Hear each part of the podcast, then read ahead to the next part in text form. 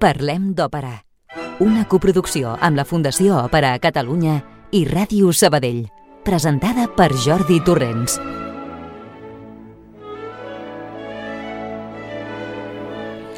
Benvolgudes i benvolguts, sigueu molt benvingudes i benvinguts a aquest, el darrer Parlem d'Òpera del 2023. Ja ens hem polit un altre any, què us en sembla? Jo us diré que em produeix un veritable vertigen aquesta velocitat amb què el temps transcorre. Ho he dit diverses vegades i sona tòpic, però jo tinc la sensació real de que abans, quan jo era un nen, la cosa anava més lenta. No sé, potser alguna subtil variació de l'eix de la Terra produeix aquest efecte? Bé, no em feu gaire cas. Només són pensaments que de tant en tant em passen pel cap, però estic segur que a vosaltres també us passa, oi? Programa número 547, 28 de desembre, dia dels Sants Innocents. Rocío García, el control de so i qui us parla, Jordi Torrents, us donem una cordial benvinguda.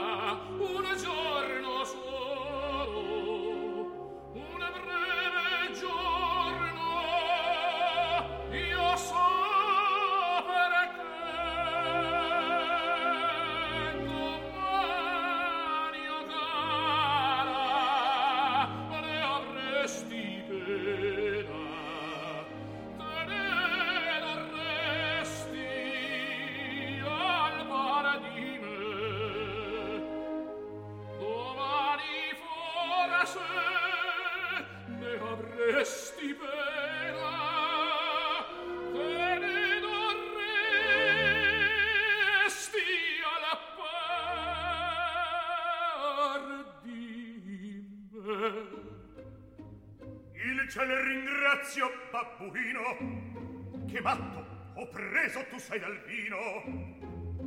Ti avrei strazzato ridotto in brani se in questo istante tu fossi in te. Infinch'io tengo a te le mani va via buffone ascondi a me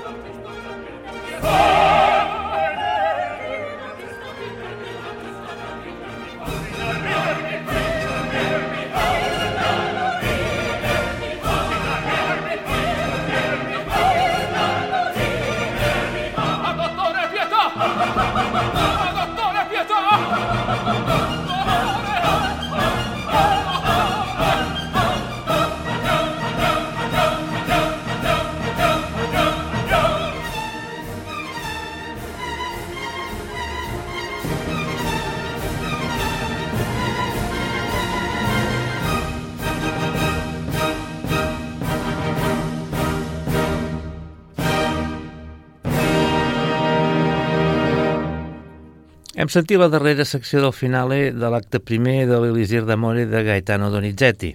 Luciano Pavarotti, Irene Morino, Kathleen Battle, eh, Adina, Leo Nucci, Belcore i Down Upshaw, Janetta, s'hi afegint el cor i l'orquestra del Metropolitan de Nova York sota la batuta de James Levine. Bé, amics i amigues oients, avui allò del centural que menciono a cada programa des de l'inici d'aquesta temporada adquireix importància, perquè avui parlarem d'innocents gent innocent, tant en el sentit de babau com de no culpable o fals acusat. Tenim òperes de sobres per parlar-ne. Fins i tot algunes ens han quedat en el tinter. I han començat amb l'estimat Elisir perquè Nemorino, el seu protagonista, és un bon exemple de persona innocent, en el sentit de sense malícia, fins i tot una mica curtet, que creu que bevent un suposat elixir podrà conquistar la noia que estima. Els esdeveniments li acaben donar la raó, com sabeu, però no precisament gràcies al beuratge. El Diccionari de la Real Acadèmia Espanyola ens diu que inocente és 1. Libre de culpa, 3. Cándido, sin malicia, fàcil d'enganyar, seria el cas de De Morino. 4. Que no danya, que no és nocivo, i d'altres excepcions. I en català el Diccionari de l'Institut d'Estudis Catalans ens diu que innocent és 1. Que no fa mal. 2. Que no ha fet el mal exempt de culpa. 3. Fàcil d'enganyar sense malícia i tots dos afegeixen algun comentari referit a nens o criatures, ja que el dels Sants Innocents que commemorem avui està absolutament lligat a la innocència dels infants. Després en parlem, però per ara sentim un altre innocent que protagonitza una òpera també creat per Donizetti, ves per on. En aquest cas no és un babau de poble com Nemorino, sinó una persona de categoria, un cavaller que sembla que baixi d'Arbeca, com diuen. Sens dubte, tot fruit de la manca d'experiència a la vida en començar l'òpera. Després les hòsties ja li venen per totes bandes i se n'assabenta una mica més de com va tot plegat. Estic parlant de Fernando, de la favorita, o Fernand, en l'original francès de la favorita. Jo posaré en versió italiana, l'àrea que canta tot just en començar una vergine, un àngel di Dio. Ha vist tot pregant una vella dama que li sembla una verge, un àngel de Déu, demostrant amb això un veritable ull clínic. La dama en qüestió no és altra que Leonor de Guzmán, l'amant del rei Alfons XI de Castella, personatges històrics tots dos, el qual va donar deu fills d'aquells que aleshores en deien bastards. Tota una verge, sí senyor, eh? Sentim novament Pavarotti amb l'Orquestra del Teatre Comunal i de Bologna sota la batuta de Richard Bonich. També hi sentim breument la veu de Nikolai Giorov.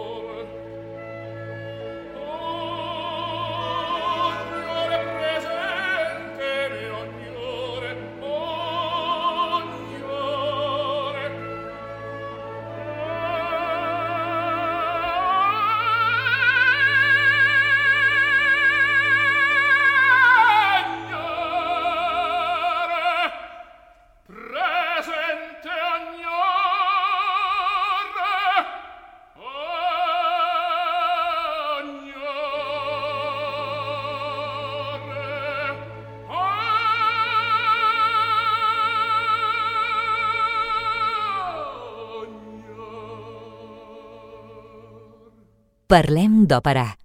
A Ràdio Sabadell. I com va anar tot això dels innocents? Doncs ja sabeu que un cop nascut el nen Jesús van venir tres mags de l'Orient guiats per una estrella. En lloc diu que fossin reis, però nosaltres els hem elevat a tal categoria. Sembla que la guia no era prou precisa tant que en arribar a Jerusalem van anar a preguntar ni més ni menys que el rei Herodes, que no era precisament gaire bona persona. Els mags buscaven un rei que havia nascut, fet que feia sospitar Herodes que de rei no en coneixia altre que ell mateix. Sembla que el van dirigir cap a Betlem i els savis d'Orient van prometre a Herodes que li dirien el lloc exacte del naixement, cosa que no van fer. El rei, sentint-se enganyat, es va enfadar molt i molt i va ordenar matar tots els nens de Betlem i voltants menors de dos anys. Jesús se'n va salvar perquè, avisada la família per un àngel, van fugir cap a Egipte. Aquests són els anomenats Sants Innocents, la festa dels quals es commemora avui. Per cert, més que probablement es tracta d'una llegenda, doncs no hi ha fonts històriques que ho corroborin en absolut. I portem a col·lació un altre innocent operístic, un ésser eh, innocent convertit en savi per la pietat, això és entre cometes. I aquest no és altre que el wagnerià Parsifal, que és tan innocent que no en sap res de la vida, ni tan sols com es diu, ni d'on ve, i fa l'entrada en escena tot matant un signe blanc de les terres del món salvat, el castell del Sant Grial. En Fortes, cap de la comunitat del Grial, fou ferit a causa de la seva caiguda en tentacions lletges amb la llança que custodien i que és la que va travessar el costat de Crist a la creu. Aquesta ferida li provoca grans dolors i no hi ha manera de guarir-lo. Només el podrà curar aquest innocent quan el toqui de nou amb la llança per passar tot seguit a fer-se càrrec de la comunitat com a nou rei, cosa que succeeix ja cap al final de l'òpera o, com Wagner la va batejar, del festival escènic i sacre. Bé, això ja és una bona mostra de la pretensiositat del llibret que va crear el mateix Wagner, que no cola gaire, la veritat. Per mi, Parsifal, estrenada de Bayreuth el 26 de juliol de 1882, última obra de Wagner, és la que menys m'agrada de les òperes d'aquest gran compositor. La trobo feixuga i en gran part és per aquest argument. Eh, ja em diuen que jo no soc wagnerià, sinó que sóc tristanià. Què hi farem? Sentim un fragment de cap al final de Parsifal. Nur eine Waffe taugt. Només una arma és bona. Quan Parsifal guareix el tormentat en fortes. Canta Peter Hoffman com a Parsifal amb l'orquestra del Festival de Bayreuth, dirigida per James Levine.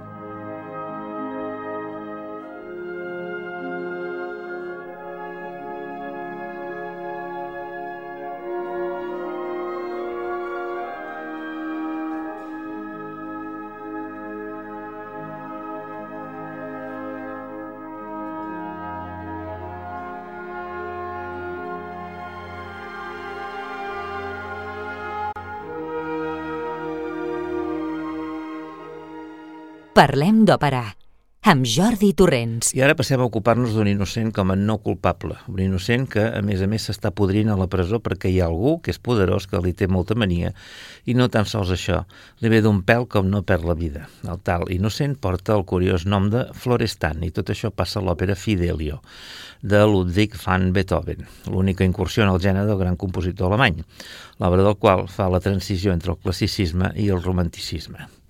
La història de Fidelio o l'amor conjugal ens explica com Florestan, que és un noble, ha intentat desemmascarar els crims de Pizarro, un altre noble.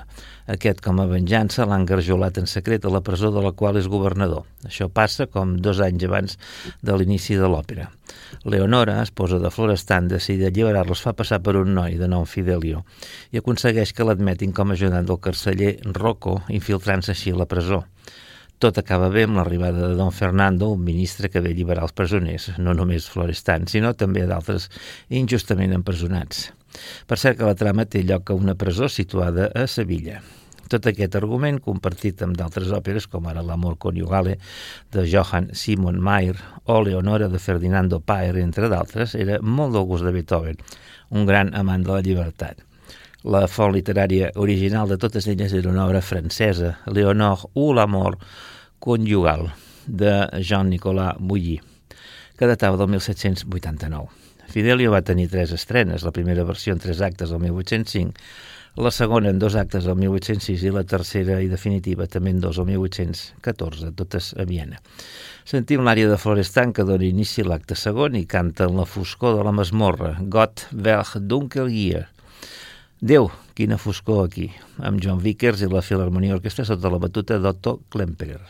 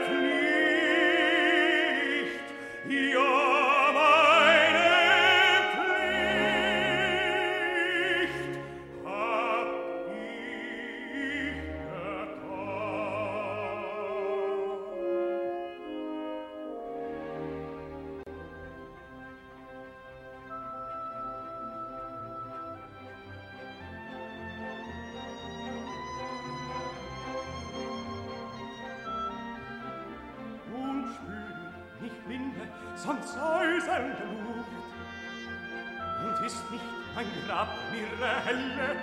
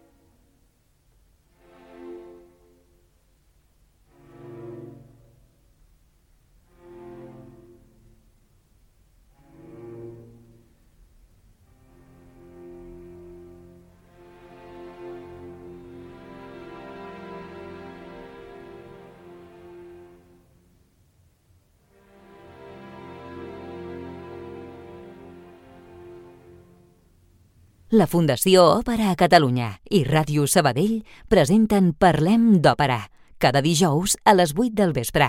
I si Florestan era un innocent engarjolat sense haver ni tan sols estat formalment acusat de res, un tema que per desgràcia passa encara avui en dia massa sovint en determinats règims polítics no homologables, tots els innocents que presentarem a partir d'ara són personatges que són acusats falsament d'això o d'allò, amb greus conseqüències, normalment en final feliç, però no sempre. Més aviat són víctimes de calúmnies. La primera innocent que comentarem és en aquesta ocasió una dona, que respon a l'atílic nom de Ginebra i és una princesa d'Escòcia, filla del rei d'aquest país. També hi ha més d'una òpera que ens narra les seves vicissituds, sent la més famosa de les quals Ariodante de Georg Friedrich Händel. I què li passa a aquesta bona noia? A veure si ho explico bé, que és una mica recargolat. Ginebra, princesa i una mica bleda, com sol ser habitual, s'ha de casar amb el cavaller Ariodante. El dolent de la pel·lícula, de nom Polinesso, la pretén també i ordeix una trama per fer-la seva. Sedueix Dalinda, la confident de Ginebra, i la utilitza pels seus plans i li diu que es posi un vestit de la princesa i el convidi a la seva cambra, i així serà seu. Amb això, munta una escena davant Ariodante perquè aquest vegi que Ginebra el traeix. De fet, Ariodante veu com Polinesso entra a la cambra i una dona vestida com Ginebra, però no la seva cara. Ariodante vol morir i el seu germà l'Urcanio l'insta a viure i venjar-se. Sembla que Polinesso s'ha sortit amb la seva, no? Doncs bé, l'Urcanio va explicar-li al rei la suposada infidelitat de la filla, factor que ha provocat el suposat suïcidi d'Ariodante. El rei, sense investigar més, s'ho creu, rebutja la filla i la condemna a mort. Té la maninera, eh? Però deixa oberta la porta un campió que defensi el seu honor aquella pràctica medieval tan absurda. Polinesso s'ofereix com a campió i lluita amb l'Urcanio que el mata. Un nou campió misteriós apareix. És Ariodante, que és viu i de mala sorpresa general declara que Ginebra eh, no és culpable. Dalinda ha confessat la seva participació en la conspiració i Polinesso, abans de morir, també. Ja veieu, doncs, com la calúmnia li ha costat ben cara a una innocent, fins i tot a punt de perdre la vida injustament. Sentim una, una àrea que canta Ginebra de caire tràgic, de l'acte segon, Mi palpita il core, amb Edith Mathis i l'English Chamber Orchestra sota la direcció de Raymond Lepard.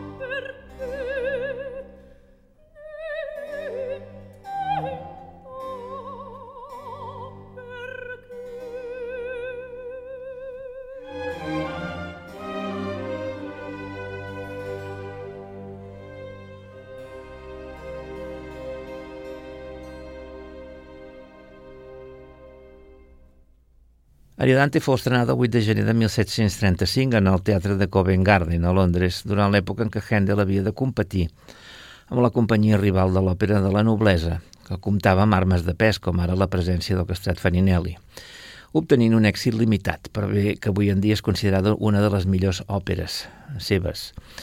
El llibret és anònim i es basa en Ginebra, Principessa d'Escòcia, d'Antonio Salvi, que té la seva font literària en aquella mina d'òperes que fou l'Orlando Furioso de Ludovico Ariosto. Han estat diversos els compositors que han posat música al tema d'Ariodante. Recordo, sense anar més lluny, que una vegada van posar una àrea eh, d'Ario Dante, òpera del 1745 de Georg Christoph Wagenseil, un compositor vienès. Hi ha un altre que tracta el mateix tema, però que rep el títol de la protagonista femenina, Ginebra d'Escòcia, drama heroico en dos actes, sent el llibret de Gaetano Rossi la música de Johann Simon Mayer, el conegut compositor alemany radicat a Itàlia. Com en el cas de Händel, el llibret es basa en un drama anterior de Giovanni Pindemonte, estrenat a Venècia, que també enfonsa les seves arrels en el famós poema d'Ariosto.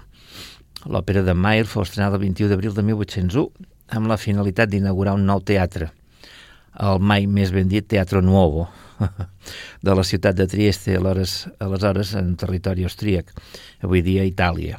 Aquest teatre Nuovo ha canviat de nom diverses vegades en la seva més que bicentenària història. Es va dir Teatro Grande des del 1820, Teatro Comunale des del 1861 i Teatro Verdi des del 1901 i és així com es continua dient avui en dia. Ginebra d'Escòcia va obtenir de seguida un gran èxit. El rol d'Ariodante el va interpretar un castrat, Luigi Marchesi, un dels últims, ja que aquesta figura estava ja en franc declivi, havent començat ja al segle XIX. La trama és virtualment idèntica a la de Händel, amb coincidència de personatges. El rei, eh, Ariodante, Ginebra, Polineso, Dalinda i Lurcanio. Més un secundari que canvia el nom, d'Eduardo Abafrino, i un nou afegit, un eremita anomenat el Gran Solitari. Us vull fer sentir una petita mostra d'aquesta òpera que ja vam sentir fa molt de temps, tant com que va ser la primera temporada d'aquest programa, que ningú se'n deu recordar ja, ni jo gairebé se situa quasi al final de, de l'òpera, de manera que ja tot s'ha arreglat o està a punt de fer-ho. Es tracta de Per pietà que palpiti atroci a Civada, amb Elisabet Vidal, Ginebra i Daniela Barcelona Ariodante. L'orquestra és la del Teatro Verdi de Trieste i el director Tiziano Severini.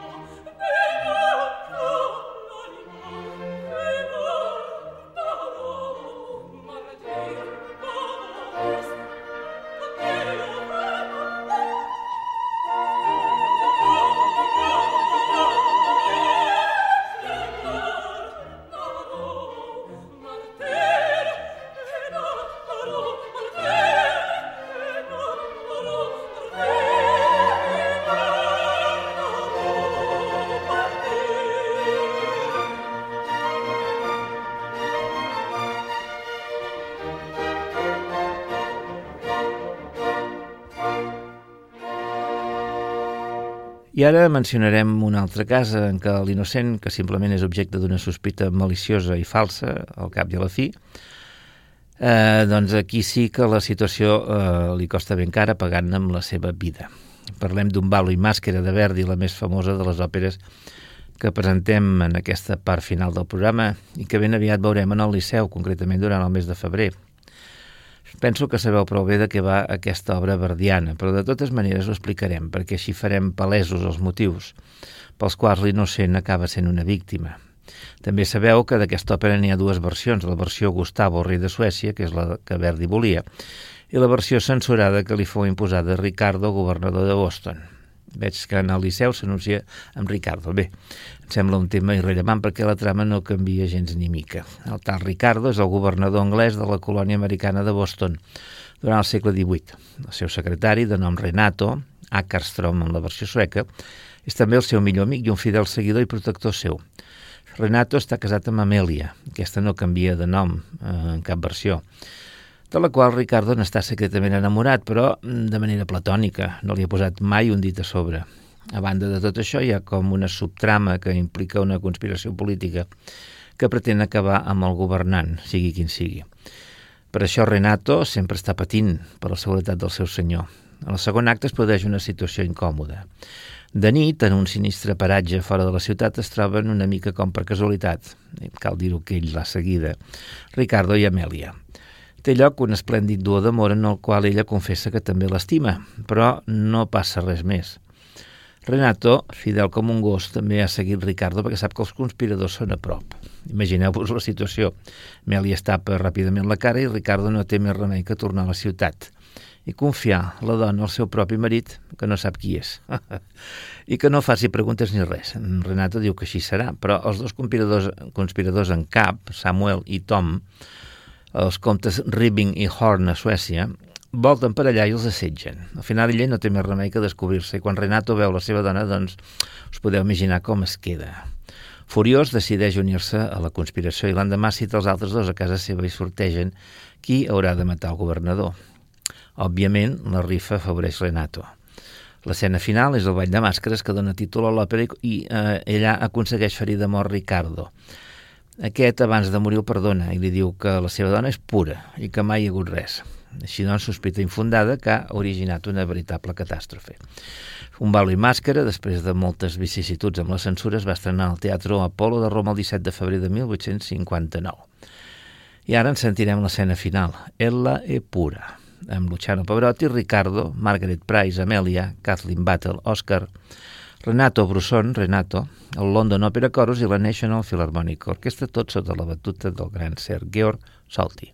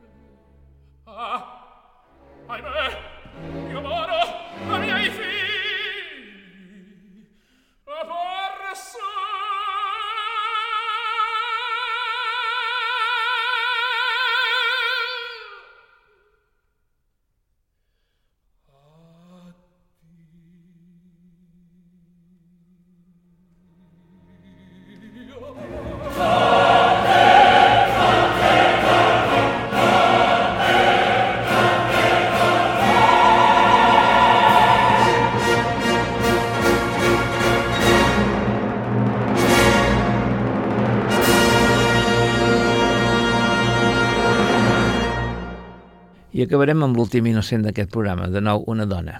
Zelmira, la protagonista de l'òpera del mateix nom, que fou l'última de les de l'etapa napolitana de Rossini. Estrenada el 16 de febrer del 1822 en el Teatro San Carlo de la metròpoli del sud d'Itàlia, amb llibret d'Andrea Leone Tottola, basat en una obra teatral francesa.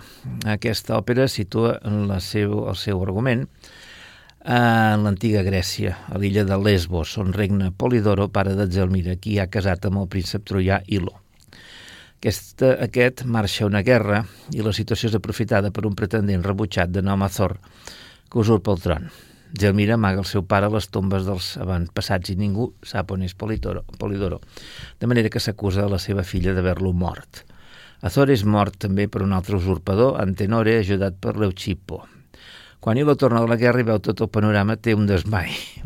L'Uchipo vol aprofitar per matar-lo, però Zelmira ho impedeix. Ell va més ràpid i li passa el punyal a la noia i desperta Hilo, que ja prèviament li havien escalfat el cap amb les sospites sobre la seva dona, i creu que és ella la que el volia matar. Zelmira és condemnada a mort. Per no fer-ho llarg, us diré que tot acaba bé. La innocència de Zelmira és demostrada en tots els fronts. I ara sentirem el fragment final de l'òpera eh, fa Pio Grato, amb Cecilia Gasdia, Zelmira, José García Polidoro, el cor Ambrosian Singers i l'orquestra i solisti Veneti sota la batuta de Claudio Simone. I ja només em resta desitjar-vos a tots i totes un boníssim any 2024. Salut, pau, tranquil·litat mental i algun dineret també, no? Però no és el material el que més compta. També m'agradaria un millor any en el món, allà on hi hagi gent que pateix de manera injusta. Jo sóc especialment sensible a la causa palestina i no m'agrada veure com tants innocents estan sent massacrats davant la hipocresia de la comunitat internacional. Però bé, deixem-ho aquí. I una cosa més, molta òpera per aquest nou any. Adéu-siau i fins dijous que ve.